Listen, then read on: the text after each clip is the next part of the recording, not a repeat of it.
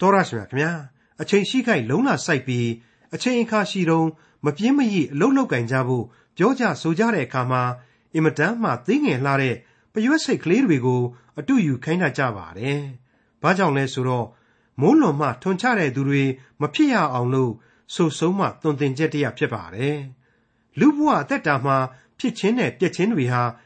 အင်မတန်မှကိုမြန်မြန်ဆန်ဆန်ဖြစ်ပြနေကြသလို ဆင်းရဲခြင်းနဲ့ဥစ္စာပြုံးတီးခြင်းတွေကလည်းမထင်မှတ်တဲ့အချိန်အခက်အခါလေးအတွင်းမှာရောက်လာတတ်ကြတယ်ဆိုတာကိုသတိပေးထားပါတယ်။ထာဝရရှင်မြတ်စွာဘုရားသခင်ဟာလူသားတိုင်းငရဲကနေလွတ်မြောက်ပြီးကောင်းငင်ဘုံမှာသူနဲ့အတူစိုးစံရဖို့အထိလူသားတိုင်းကိုချစ်မြတ်နိုးတော်မူသလိုဘုရားရှင်မုန်းတီးတော်မူတဲ့အရာ၆ပါးမကဆက်ဆုပ်ယွန်ရှာတော်မူသောအရာခုနှစ်ပါးကိုဖော်ပြထားတဲ့ခရိယန်တမန်ကျမ်းဓမ္မဟောင်းကျမ်းပိုင်းတွေက တုတ်တန်ကျမ်းအခန်းကြီး6ကိုဒီကနေ့တင်ပြရသောတမန်ကျမ်းအစီအစဉ်မှာလေ့လာမှာဖြစ်ပါတယ်။ပြည်တစားကိုမှီဝဲတဲ့အမျိုးသားတွေသူ့မယားကိုပြစ်မှားတဲ့သူတွေမြောက်မှထားတဲ့အမျိုးသမီးတွေဟာအဝတ်မီးမလောင်ဘဲနဲ့မိကိုပိုက်ထားနိုင်သလားဆိုတဲ့သတိပေးချက်တွေလည်းပါဝင်တဲ့တုတ်တန်ကျမ်းအခန်းကြီး6ကိုဒေါက်တာထွန်းမြတ်အေးကအခုလိုလေ့လာရှင်းလင်းတင်ပြမှာဖြစ်ပါတယ်။တင်ပြရသောတမန်ကျမ်းရဲ့မိတ်ဆွေတော်တတ်ရှင်အပေါင်းတို့ခမညာ ဒီကနေ့ကျွန်တော်တို့လေ့လာသွားရမယ့်သုတ်တန်ကျမ်းအခန်းကြီး6ကတော့များစွာသောသင်ခန်းစာတို့ကိုတပေါင်းတစည်းတည်းခြုံငုံဖော်ပြသွားမယ့်ကျမ်းတစ်စုပဲဖြစ်ပါတယ်။ခေါင်းစဉ်ပေါင်းများစွာနဲ့ခွဲပြီးလေ့လာမယ်ဆိုရင်ရနိုင်တဲ့ကျမ်းတစ်စုပါပဲ။ဒီကနေ့ဒီကဘာမှာဆိုရင်စီးပွားရေးဆိုတဲ့ဝေါ်ဟာရဟာအတော်ကြီးတွင်ကျယ်နေပါတယ်။လူတိုင်းလူတိုင်းဟာဒီစီးပွားရေးအကြောင်းကိုသိပြီးတော့ပြောနေဆိုနေကြပါတယ်။ အဲ့ဒီစီးပွားရေးအကြောင်းတွေကိုဒီကနေ့သုတ်တန်ကျမ်းရဲ့သင်ခန်းစာတွေဟာဖော်ပြသွားမယ်ဆိုတာကျွန်တော်ကြိုတင်ပြီးတော့တင်ပြထားခြင်းပါတယ်။ဒါရင်မကသေးပါဘူး။ဒီကနေ့ဒီကဘာမှာဆိုရင်ဘုရားသခင်ကိုယုံကြည်သူဘုရားသခင်ကိုမယုံကြည်သူဆိုပြီးတော့အုပ်စုနှစ်ခုတော့ရှိနေတာအမှန်။ဒါပေမဲ့အဲ့ဒီယုံသူကောမယုံသူကောဘသူကိုမဆိုဘုရားသခင်ဟာဖန်ဆင်းခဲ့တာပဲ။သူ့ရဲ့သားသမီးများဖြစ်တဲ့ကဘာလူသားအလုံးကိုသူဟာသူကိုယ်တိုင်ဝိညာဉ်မှုတ်သွင်းပေးခဲ့တယ်။ သူဟာအလွန်ကောင်းမွန်တဲ့အကြံဉာဏ်များကိုလေအခုဒီသုတ်တန်ကျမ်းရဲ့နှုတ်ကပတ်တော်များကနေတဆင့်လူလောကသိနားလေအောင်ဘုရားသခင်ဖော်ပြသွားလိမ့်မယ်ဆိုတာကိုကျွန်တော်ကြိုတင်တင်ပြထားခြင်းပါလေအခုအချိန်မှာတော့စီးပွားရေးအခြေခံမူများအကြောင်းဆိုပြီးတော့ကျွန်တော်စတင်တင်ပြပါရစေဒါကြောင့်မလို့သုတ်တန်ကျမ်းအခန်းကြီး6အငယ်1မှ9ကိုနားဆင်ကြည့်ကြပါစို့ငါသာသင်သည်အဆွေခင်ပွန်းအတွက်အာမခံမိတော်၎င်း သူတစ်ပါးနှင့်လက်ဝါးချင်းရိုက်မိတော်၎င်းကိုနှုတ်ထွက်စကားဖြင့်ကြော့မိပြီကိုပြောသောစကားကြောင့်အမှုရောက်လေပြီငါသာသင်သည်အဆွေခင်ပွန်းလက်သို့ရောက်မိလျင်ကိုကိုနှုတ်အံ့သောငါအဘယ်သို့ပြုရမည်နည်းဟုမူကားအဆွေခင်ပွန်းထံသို့သွား၍ကိုကိုနှိမ့်ချလျက်သူ့ကိုနှိုးဆော်လောအိတ်မပြောနှင့်မျက်စိမှိတ်၍မငိုက်နှင့်မုတ်ဆိုးလက်မှသမင်တရေကို၎င်းငှက်ကို၎င်းနှုတ်ရတကဲ့သို့ ကိုကိုနှုတ်လောမိတ်ဆွေတော်တတ်ရှင်အပေါင်းတို့ခမညာအခုဖော်ပြခဲ့တဲ့အဆုံးအမဟာဘုရားသခင်ကိုယုံကြည်သူဖြစ်စေမယုံကြည်သူပင်ဖြစ်စေကားမူ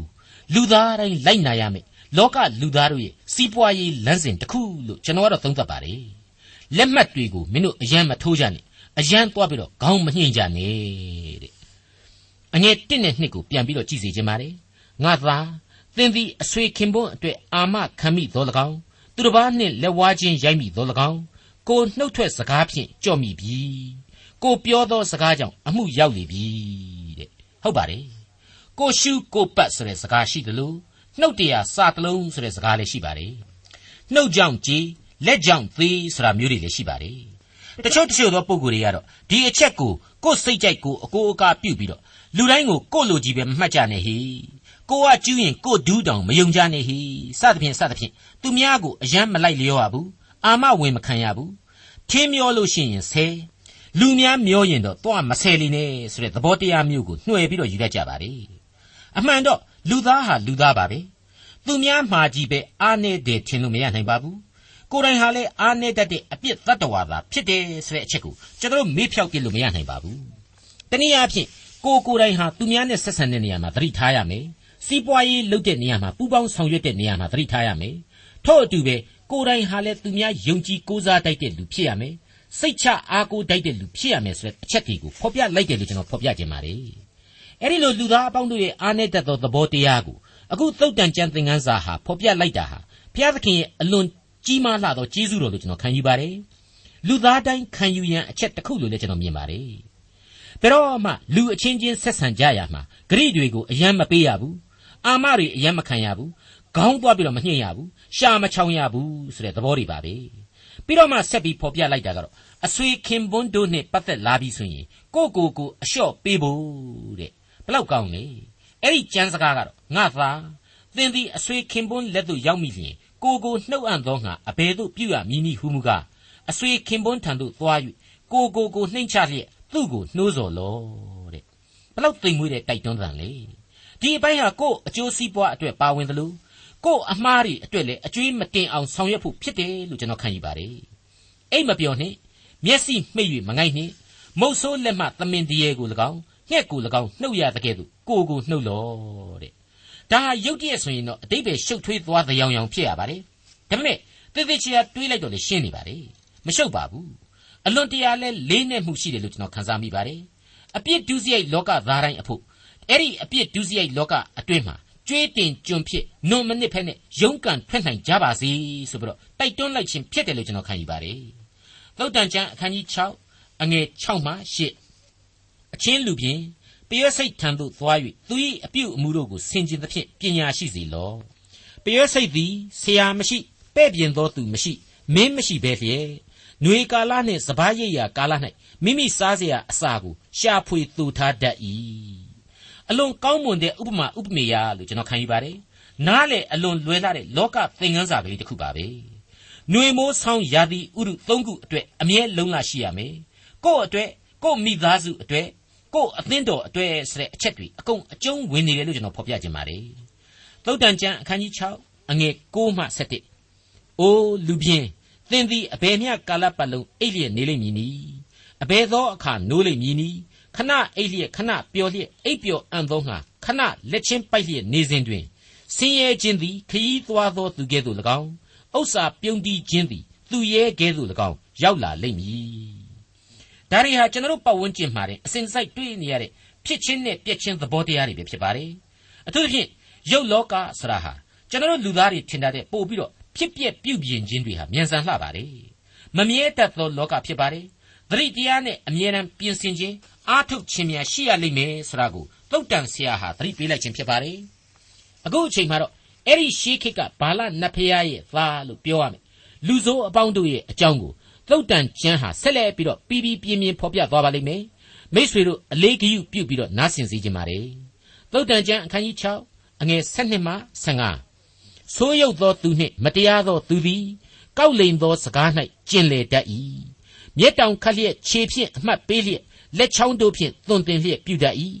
ကောက်သောစိတ်သဘောနှင့်ပြည့်စုံ၍မကောင်းသောအကြံကိုအစဉ်ကြံစီတတ်၏သူတစ်ပါးချင်းရန်တွေ့စေခြင်းဟာပြုတတ်၏ထို့ကြောင့်သူသည်အမှတ်တမဲ့အမှုရောက်၍ကိုးကွယ်ရမရပဲချက်ချင်းကျိုးပဲ့ပျက်စီးရလိမ့်မည်ဘာလနတ်ဖျားရဲ့သားလို့ပြောရမယ်လူဆိုးတို့ရဲ့အကြောင်းပဲဖြစ်ပါတယ်ဆိုးရုပ်သောသူနှင့်မတရားသောသူဆိုပြီးတော့ဖော်ပြထားပါတယ်အဲ့ဒီပုံကိုယ်တွေဟာအပြောအဆိုကောအပြုအမှုကောနှစ်ဖက်စလုံးဘဲဘက်ကမှမကောင်းဘူးတဲ့ ပြောလိုက်ဆိုလိုက်သမျှတွေမှာမဟုတ်တမ်းတရားတွေဖြစ်တယ်မျက်စပစ်ပြတယ်ခြေထောက်ကလေးလှုပ်ပြီးတော့အချက်ပေးတယ်အကုန်လုံးမကောင်းတာလုပ်ဖို့ကြီးပဲတဲ့အဲ့ဒါတွေဟာကျွန်တော်တို့မိษွေတို့ရဲ့နဘေးပတ်ဝန်းကျင်မှာတွေ့ရတတ်တယ်လို့မိမိကိုယ်တိုင်ဟာလည်းအဲ့ဒီလိုပဲဖြစ်တတ်တယ်ဆိုတာကိုအထူးသတိပြုဖို့လိုအပ်လာပါတယ်ကျွန်တော်ကဒီနေရာရောက်တော့ကျွန်တော်တို့မြို့ကလေးမှာကြုံရခဲ့ဘူးတဲ့ဓမ္မအမှုတော်ဆောင်တယောက်ရဲ့အကြောင်းကိုသွားပြီးတော့သတိရမိပါတယ်အဲ့ဒီပုဂ္ဂိုလ်ဟာအင်မတန်ရိုးသားတယ်စိတ်ဖြောင့်မတ်တယ်ဒါပေမဲ့ အမြဲတမ်းဘုရားသခင်အတွက်သာသူဟာအသက်ရှင်နေထိုင်နေတယ်အဲ့ဒီတော့သူ့ကိုဘယ်သူကမှမချစ်ခင်ဘူးသူ့ကိုအများကဝေဖန်တယ်လူကွာစာတဲ့တကယ်တကယ်တော့ဘာမှကွာစာမဟုတ်ပါဘူး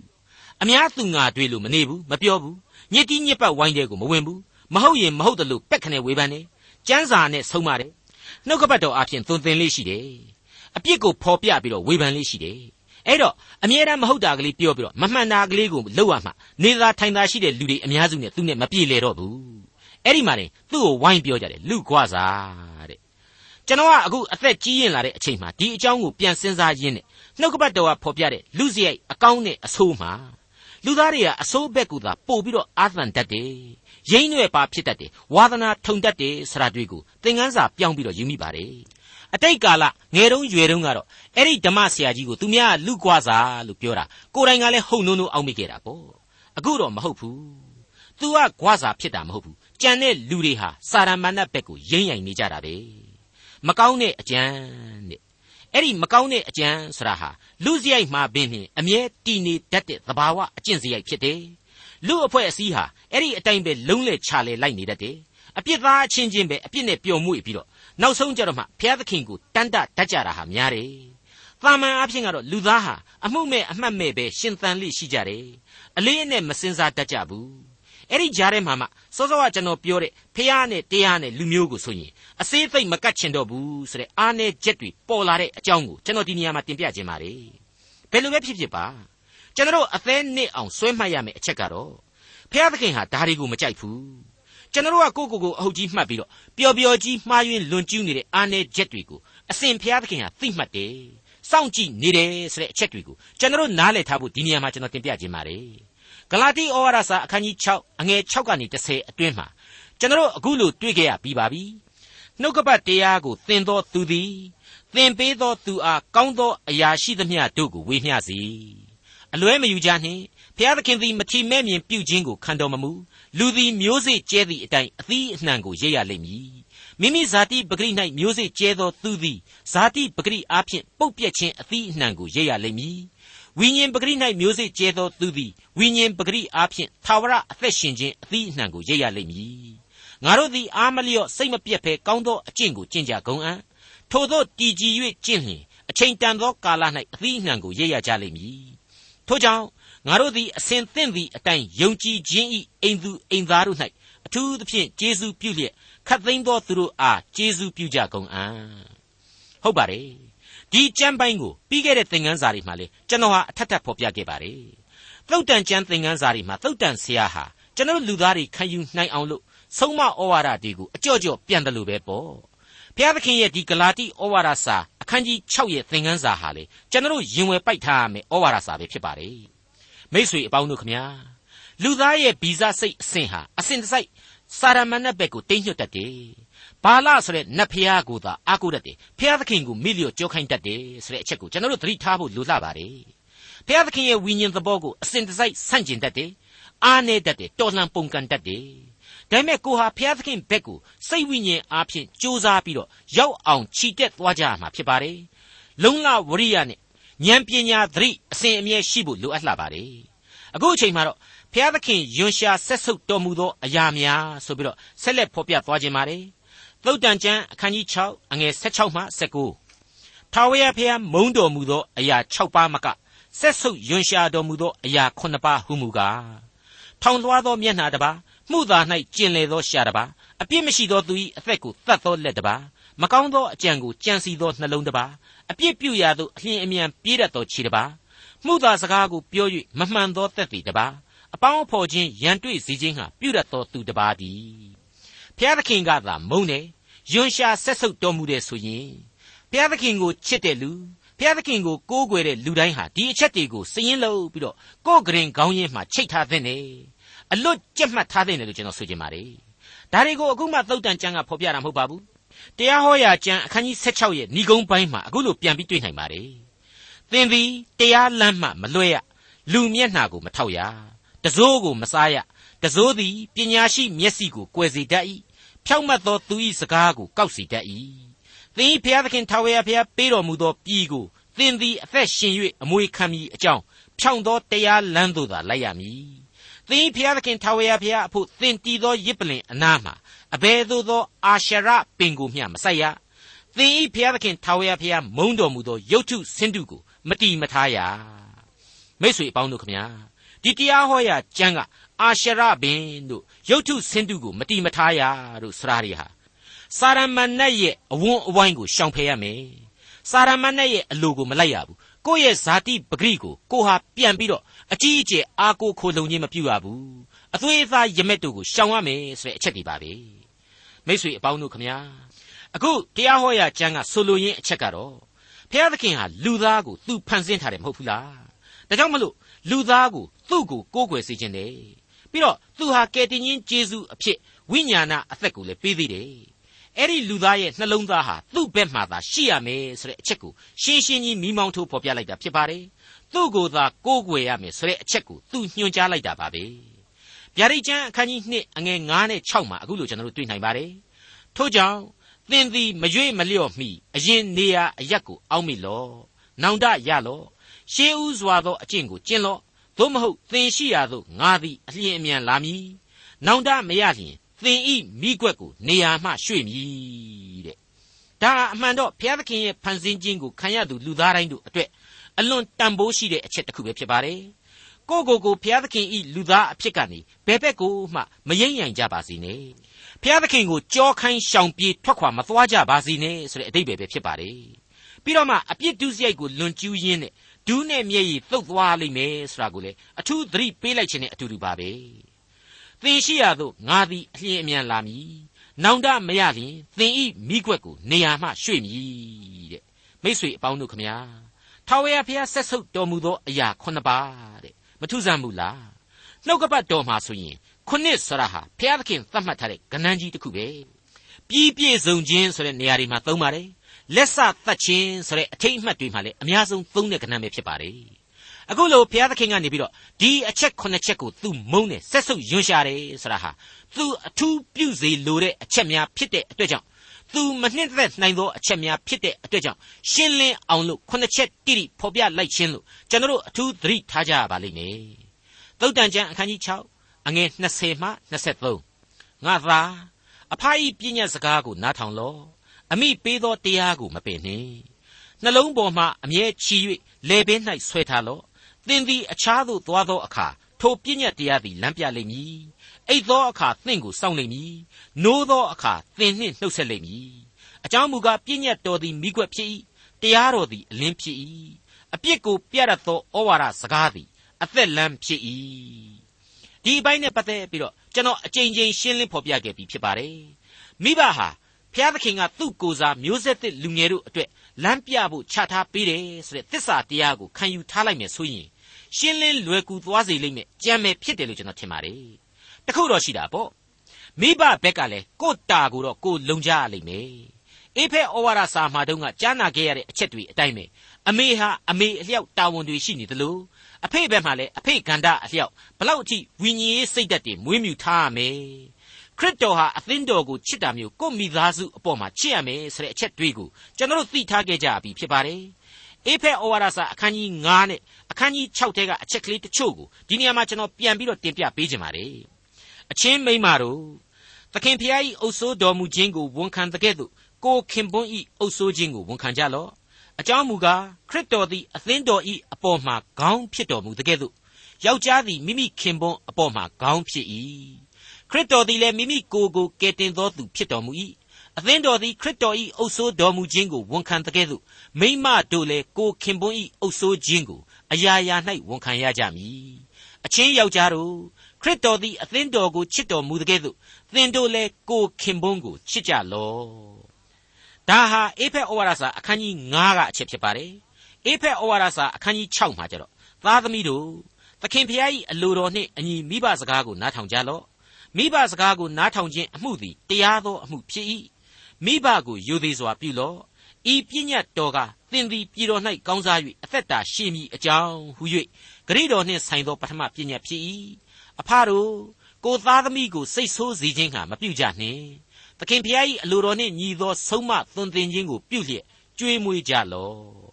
ဒီအချက်အပေါင်းတို့ဟာအခုသုတ်တန်ကျမ်းကဖော်ပြနေတဲ့အဖဤပညတ်စကားကိုနားထောင်ကြပါအမိဤတရားကိုလည်းမပယ်ပါနဲ့ဆိုတဲ့အချက်တွေကိုပို့ပြီးတော့အားကောင်းအောင်လို့ဖြည့်တင်ပေးလိုက်တယ်အသက်ဝင်ပြည်ပြင်းသွားစေတယ်လို့ကျွန်တော်ဆိုချင်ပါတယ် အဲ့ဒီလိုမိဘရဲ့တရားမျှတမှုကိုခံယူရမယ်ဆိုတာကိုတဖြည်းဖြည်းဖော်ပြလာတဲ့သုတ်တန်ဆရာရဲ့အဆုံးအမဟာအငယ်23ကျတော့အကြောင်းမူကားပြည့်ညတ်တော်သည်မိကွက်ဖြစ်၏တရားတော်သည်အလင်းဖြစ်၏အပြစ်ကိုပြရသောဩဝါဒစကားသည်အသက်လန်းဖြစ်၏ဆိုပြီးတော့ဖြောင်းဖြောင်းဖျားဖျားပြောဆိုသံနဲ့အဆုံးသတ်လိုက်ပါတယ်အဲ့ဒီတော့အခုသုတ်တန်ဩဝါဒစာရဲ့အဆုံးအမတွေဟာလောကမိဘအပေါင်းတို့ရဲ့ဂန္ဓကိုစတင်ဖော်ပြလိုက်တယ်လို့ ကောင်းကင်ဘုံရှင်အဖဖျားသခင်ရဲ့နှုတ်ကပတ်တော်ဟာအရေးအကြီးဆုံးဖြစ်တယ်ဆိုတာကိုလည်းဖော်ပြလိုက်တာ ਨੇ အတူတူပဲဖြစ်သွားပါတယ်မျှမျှတတာအလွန်ရှိတယ်ကြိုးကြောင်းခိုင်လုံမှုရှိတယ်ဝိညာဉ်အနှစ်သာရအလွန်ပြင်းထန်နေဆိုတာဟာရှင်းနေအောင်ကျွန်တော်တို့မြင်လာရစေပါတယ်ကျွန်တော်ကအခုလိုအသေးစိတ်ဖော်ပြနေရတာဟာအကြောင်းရှိနေပါတယ်လောကမှာလူလူချင်းဖြစ်တဲ့မိဘနဲ့သားသမီးဆရာနဲ့တပည့်စသည်တို့ကြားတွေထဲမှာလူပီပီအားနေချက်တွေချွတ်ချော်ချက်တွေ အပြစ်နဲ့မလွတ်မကင်းတာတွေဟာရှိနေတတ်တော့အခုလိုသုတ်တန်ကျမ်းကဖော်ပြတဲ့လောကနီတိတွေအပေါ်မှာမှစောရကတက်เสียတွေရှိလာလို့ပဲဖြစ်ပါတယ်လောကနီတိတွေဟာပြည့်စုံလုံလောက်ခြင်းမရှိနိုင်ဘူးဆိုတဲ့ချွင်းချက်တစ်ခုကိုစဉ်းစားမိလို့ဖြစ်ပါတယ်လူအဖွဲ့အစည်းဟာအခုခေတ်မှာဆိုရင် social science လို့ခေါ်တဲ့လူမှုရေးသိပ္ပံအတတ်ပညာတွေအကြီးအကျယ်တိုးတက်ထွန်းကားလာတာနဲ့အမျှမိဘတို့ရဲ့မကောင်းမှုတွေပတ်ဝန်းကျင်ရဲ့ဆွဲဆောင်မှုတွေကြောင့်လူငယ်လူရွယ်ကလေးတွေပျက်စီးကုန်တယ်ဆိုတာမျိုးတွေ သားယာချမ်းမြေ့ခြင်းမရှိတဲ့အိမ်တောင်ရေးတွေကြောင့်သားကလေးတွေသမီးကလေးတွေပျက်စီးသွားရတယ်ဆိုတာမျိုးတွေဆွဆွဲဆွဆွဲချက်တွေပို့လာပါတယ်အပြစ်တင်မှုတွေပေါ့ဝေဖန်မှုတွေပေါ့အဲ့ဒီအတိုင်းဆိုရင်အခုသုတ်တန်ကျမ်းကအခုလို့ဆွဆုံးမမှုတွေဟာခက်မမီတော့ဘူးလားဆိုပြီးတော့မေးเสียရှိလာပါတယ်ပြောเสียတွေစောရကတက်เสียတွေအများကြီးရှိလာနိုင်ပါတယ်အဲ့ဒီလိုသိပ်ပံเสียတို့ကပြောနိုင်တယ်လို့နှုတ်ကပတ်တော်သမားကျွန်တော်တို့ကလည်းပြန်ပြီးပြောနိုင်တာရှိပါတယ်လူရဲ့သမိုင်းအစမှာကတည်းက အပြစ်သမိုင်းနဲ့စခဲ့တဲ့လူအဖွဲ့အစည်းမှာမိဘသားသမီးဆရာတပည့်စတဲ့လူသားမှန်သမျှအပေါင်းတို့ဟာဘသူကဖြက်သည်ဖြစ်စေမဖြက်သည်ဖြစ်စေဘသူကဖြက်ဖြက်မဖြက်ဖြက်အစဉ်တစိုက်ပျက်စီးနေမြဲတာဖြစ်တယ်အဲ့ဒီအထက်မှာမှလူတဦးစီဟာနှုတ်ကပတ်တော်ရဲ့အဆုံးအမအတိုင်းကြင့်ကြံအားထုတ်သွားကြရမယ်ကိုနဲ့ကိုဝိညာဉ်နဲ့သာရှင်းရမယ်ဘဝများသာဖြစ်တယ်ဆိုတဲ့ခံယူချက်ကို ဘုရားသခင်ကိုသာအမြဲမျက်မှောက်ပြုကြရမယ်ဆိုတဲ့ခံယူချက်ကိုကျွန်တော်ခံယူသွားကြရမှာဖြစ်ပါတယ်နားလေသဘောပေါက်သွားကြရမှာဖြစ်ပါတယ်အကြောင်းမူကားပြည့်ညတ်တော်သည်မိခွက်ဖြစ်၏တရားတော်သည်အလင်းဖြစ်၏အပြစ်ကိုပြရသောဩဝါဒစကားသည်အသက်လန်းဖြစ်၏ရှင်းနေပါတယ်မိတ်ဆွေထာဝရဘုရားရဲ့အမိန့်တော်ဖြစ်တဲ့နှုတ်ကပတ်တော်ကိုလေးစားလိုက်နာရမယ်ဒီနှုတ်ကပတ်တော်ဟာကျွန်တော်သွားရလမ်းအတွက်စီမီးကွက်ပဲအခုအချိန်မှာတော့ ကာမဂုဏ်လွန်ကျူးမှုများအတွက်ပြင်းထန်တဲ့အမှားစကားကိုသုတ်တန်ကျမ်းများဟာဆက်လက်ဖော်ပြသွားမှာဖြစ်ပါတယ်သုတ်တန်ကျမ်းအခန်းကြီး6အငယ်24မှ28သို့သောမိမနှင့်၎င်းအမျိုးပြက်သောမိမချော့မော့တတ်သောနှုတ်နှင့်၎င်းလွတ်စေခြင်းဟာသင်ကိုစောင့်ဖို့ရာဖြစ်သည်ထိုသောသောမိမသည်အစင်းလှတော်လဲတတ်မဲ့သောစိတ်မရှိနှင့်သူသည်မျက်ခမ်းတို့ဖြင့်သင်ကိုမကြော့မိစေနှင့်အကြောင်းမူကားပြည်တစားမကိုမှီဝဲသောယောက်ျားသည်ဆင်းရဲ၍ မုံတလုံးကိုသာရရ၏မြောက်မထားသောမိမသည်လည်းမြတ်သောအသက်ကိုဖန်တတ်၏လူသည်အဝတ်မလောင်ဘဲမိကိုပိုက်ဖက်နိုင်သလောခြေမလောင်ဘဲမိခဲဘောမှနင်းနိုင်သလောအလွန်အလွန်ကြောက်เสียကောင်းတဲ့လူနှလုံးသားရဲ့ဗီဇစန္ဒာကြီးတစ်ခုဖြစ်ပါတယ်ဒီအကြောင်းကိုကျွန်တော်အသေးမစိတ်ချင်တော့ပါဘူးဒီကနေ့မဂ္ဂဇင်းတွေလူသမိုင်းရဲ့ထင်ရှားတဲ့အတိတ်ဖြစ်ရတွေစသည်စသဖြင့်သင်ခန်းစာယူစရာများဟာမကုန်နိုင်လောက်အောင်ကျွန်တော်တို့အတွက်ရှိနေပါတယ် ဒီကျမ်းပိုင်းတွေကလူသည်အဝတ်မလောင်ပဲမိကိုပိုက်ဖက်နိုင်သလောခြေမလောင်ပဲမိခဲပေါ်မှာနင်းနိုင်သလောဆိုတဲ့အချက်ဟာအတော်ကြီးကိုစိတ်ထိခိုက်ခြင်းစရာကောင်းလှပါတယ်တနည်းအားဖြင့်တော့ကာမဂုဏ်အာယုံလွန်ကျူးလို့တဲ့ဆန္ဒတွေးဟာမိလိုပဲပူလောင်တယ်တဲ့ဖြက်စီးခြင်းကိုလည်းပြုတ်နိုင်တယ်တဲ့အဲ့ဒီအချက်ကိုသုတ်တန်ဆရာဟာဖော်ပြလိုက်ပါတယ်ဒီဖော်ပြချက်ဟာမှန်သလားမမှန်ဘူးလားဆိုတဲ့အချက်ဟာလေသက်သေသာရကတွေဖော်ပြလို့တော့မကုန်နိုင်တော့ပါဘူး ကဘာကျော်လူသားကြီးတွေမိသားစုကြီးတွေရဲ့ယဉ်နှင်းပွဲဖြစ်ရအမှန်တွေဒုက္ခဆင်းရဲမှုကြီးတွေအသရေရုပ်လျော့မှုကြီးတွေဟာမရေမတွက်နိုင်လောက်အောင်ရှိနေတဲ့အဖြစ်ဆိုးကြီးတွေအဖြစ်ကျွန်တော်ပတ်ဝန်းကျင်မှာမြင်နေရပါတယ်ကြားနေရပါတယ်တယ်လီဗေးရှင်းတွေမှာလည်းကျွန်တော်မြင်တွေ့နိုင်ပါတယ်မိတ်ဆွေအပေါင်းတို့ခမညာဖျားသခင်ဟာအာရန်ဆိုတဲ့ယောက်ျားတစ်ယောက်အတွက်အေဝဆိုတဲ့မိန်းမကိုဖန်ဆင်းပေးခဲ့ပါတယ်အဲ့ဒီလိုပါပဲကယ်တင်ရှင်သခင်ခရစ်တော်ဟာတရားမျှတတဲ့အချစ် တရားမျှတတဲ့လိန်ဆက်ဆံမှုနဲ့အိမ်တောင်တိဆောက်ခြင်းအကြောင်းကိုအခိုင်အမာခွင့်ပြုဖော်ပြခဲ့သလိုအဲ့ဒီအိမ်တောင်ကနေပြီးတော့သားသမီးကလေးတွေပေါက်ဖွာလာတယ်ဒီကလေးကလေးတွေကိုလည်းမိဘတိုင်းဟာဂယုစိုက်ကြရမယ်ဆိုတာကိုလေခရစ်ဝင်ကျမ်းဒီထဲမှာအထင်အရှားဖော်ပြပေးခဲ့ပါတယ်ဖျားသခင်ဟာဘဝလိုအပ်ချက်တွေကိုသိလို့ခွင့်ပြုတယ်ကောင်းကြီးလည်းပေးတယ်တစ်ချိန်တည်းမှာတရားတော်ကိုလည်းစီးသားခြာနာပေးထားတဲ့ဆရာကိုကျွန်တော်နားလည်ထားဖို့အထူးပဲအရေးကြီးပါတယ် ဒီနေရာမှာရှင်မသက်ခရစ်ဝင်ကျမ်းအခန်းကြီး19အငယ်4ကနေ6ကိုပြန်ကြည့်မယ်ဆိုရင်ယောက်ျားမိန်းမတို့အိမ်တောင်တိဆောက်ခြင်းအကြောင်းကိုခရစ်တော်ဘလောက်အလေးအနက်ပြုတယ်ဆိုတာကိုအခုလိုမြင်နိုင်ပါလိမ့်မယ်ကိုတော်ကအစအဦး၌ဖန်ဆင်းတော်မူသောသူသည်ယောက်ျားနှင့်မိန်းမနှစ်ယောက်ထီးကိုဖန်ဆင်းတော်မူ၏ထိုအကြောင်းကြောင့်ယောက်ျားသည်ကိုမိဘကိုစွန့်၍ကိုခင်ပွန်း၌မှီဝဲသဖြင့်ထိုသူနှစ်ယောက်တို့သည်တတသားတကိုယ်ဒီဖြစ်ရလိမ့်မည်ဟုကြံဆိုသည်ကိုသင်တို့မဖတ်ဘူးသလောထို့ကြောင့် လင်မယားတို့သည်နှစ်ဦးမဟုတ်တဦးသည်ဖြစ်၏ဖျားသခင်ဖက်ဆက်၍ထံပိုးတင်တော်မူသောအရာကိုလူမခွဲမခွာစေနှင့်ဟုမိန့်တော်မူ၏တခါအဲ့ဒီရှင်မသက်ခရစ်ဝင်ကျမ်းမှာပဲအငယ်73လေရောက်လာရောခရစ်တော်ဟာကလေးသူငယ်တို့ရဲ့အကြောင်းကိုချက်ချင်းဆက်နွယ်ပြီးတော့ထည့်သွင်းဖော်ပြလိုက်ပါတယ်ဒါဟာမိသားစုအိမ်တောင်တွေရဲ့ချစ်ချင်းမြတ်တာသစ္စာတရားအပြန်အလှန်နားလည်မှုဆိုတာဒီကိုဘုရားသခင်လိုလားတော်မူတယ်ဆိုတာကိုတမင်ဖော်ပြလိုက်ခြင်းပဲလို့ကျွန်တော်ခံယူပါတယ် သုတ်တန်ကျမ်းအခန်းကြီး6အငယ်29မှ35သူမယားထံသို့ဝင်သောသူသည်ထိုနည်းတူဖြစ်၏သူမယားကိုပြစ်မှားသောသူမည်သည်ကအပြစ်နှင့်မကင်းမလွတ်နိုင်ရာမွတ်သိပ်သောစိတ်ပြေစေခြင်းဟာခိုးသောသူပင်အပြစ်မလွတ်ရတွေ့မိလျင်ခုနစပြန်ပေးရမည်ကိုယ်အိမ်၌ရှိသမျှသောဥစ္စာတို့ကိုလျော်ရမည်သူမယားကိုပြစ်မှားသောသူသည်ဉာဏ်မရှိထိုသောပြုသောသူသည်မိမိအသက်ကိုဖျက်ဆီးတတ်၏နာကျင်စွာထိခိုက်ခြင်းနှင့်အသရေရှုံချခြင်းကိုခံရလိမ့်မည် သူ၏အရှက်ကွဲခြင်းသည်မပြေနိုင်အကြောင်းမူကားယောက်ျားသည်မယားကိုမယုံသောစိတ်ရှိလျင်ပြင်းထန်စွာအမျက်ထွက်တတ်၏အပြစ်ပေးခြင်းရောက်သောအခါသနာခြင်းမရှိတတ်လျော်ပြည့်ငွေမြည်မြကိုပမာဏမပြုတတ်များစွာသောလက်ဆောင်တို့ကိုပေးတော်လဲစိတ်မပြေတတ်ဒီအပိုင်းမှာတော့အပြစ်ကိုအပြစ်အလျောက်ပြန်လဲပေးဆက်ရခြင်းသဘောပေါ်လာပါတယ်ကျွန်တော်ဟာဓမ္မရာဇဝင်တဲကသူများရဲ့အိမ်တောင်ကိုပြစ်မှားမိခဲ့သူဒါဝိမင်းကြီးရဲ့ ဒူးနဲ့မျက်ရည်သုတ်ပြီးတော့နောင်တတရားနဲ့ပိဆက်ခဲ့ရခြင်းအကြောင်းတွေကိုပြန်ပြီးတော့တွေးမိပါတယ်အဲ့ဒီလိုမှားမိသည်ရှိတော့အမှားအတွက်ထိုက်ထိုက်တန်တန်ပြန်ပြီးပေးဆက်ရမယ်ဆိုတဲ့သစ္စာတရားကိုအခိုင်အမာကျွန်တော်တို့မှတ်ထားရမှာဖြစ်တယ်လို့ဒီကြီးမားတဲ့ပေးဆက်ရခြင်းဟာဘုရားသခင်အမိန့်တော်နဲ့ပေးဆက်ရခြင်းဆိုတာကိုခံယူအပြစ်ပေးပိုင်တယ်လို့အပြစ်လွတ်ပိုင်သောသခင်ကိုနာနာစီကတ်ကိုးကွယ်အသနာခံတောင်းပန်ပြီးတော့အဲ့ဒီအမှောင်တော်ကြီးကနေလွတ်မြောက်ခွင့်ဟာရှိနေသေးတယ်ဆိုတာကိုလည်းမှတ်ယူသွားကြရပါလိမ့်မယ် ယောက်ျားသည်မယားကိုမယုံသောစိတ်ရှိလျင်ပြင်းထန်စွာအမျက်ထွက်တတ်၏အပြစ်ပေးခြင်းရောက်သောအခါသနာခြင်းမရှိတတ်လျော်ပြည့်ငွေမြည်မြကိုပမာဏမပြုတတ်များစွာသောလက်ဆောင်တို့ကိုပေးတော်လဲစိတ်မပြေတတ်တဲ့သိပ္ပံနိကြစီရင်ရေးသားတဲ့သုတ်တန်ကျမ်းဆရာရဲ့ဖော်ပြချက်ဟာအင်မတန်ပြည်ပြင်းတဲ့လူစရိုက်ပဲဖြစ်ပါတယ်အဲ့ဒီလိုဖောက်ပြန်မှုအပြစ်ဒုစရိုက်အပေါင်းတို့ဟာအထက်ကကျွန်တော်တို့ကြားခဲ့ရတဲ့ငါသာအဖအီပြည့်ညက်စကားကိုနားထောင်လော့အမိပေးသောတရားကိုမပယ်နှင့် နှလုံးအပေါ်မှာအမြဲချီ၍လေပင်၌ဆွဲထားလော့ဆိုရက်ဆုံးမသွန်သင်ချက်ကိုကြပြောင်းကြပြန်ဖြစ်သွားစေလိမ့်မယ်လူသားတို့ရဲ့အင်မတန်ကောင်းမွန်တဲ့ဝိညာဏအသက်တာကိုဝါမျိုးလောင်မြိုက်သွားစေနိုင်လိမ့်မယ်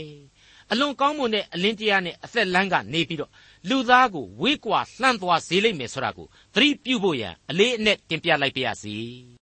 ဒေါက်တာထွန်းမြတ်ရေးစီစဉ်တင်ဆက်တဲ့တင်ပြရတော်တမချန်းအစီအစဉ်ဖြစ်ပါတယ်နောက်တစ်ချိန်အစီအစဉ်မှာခ ရိယန်တမချန်းဓမ္မဟောင်းကျမ်းပိုင်းတွေကတုတ်တန်ကျမ်းအခန်းကြီး9ကိုလေ့လာမှဖြစ်တဲ့အတွက်စောင့်မျှော်နားဆင်နိုင်ပါတယ်။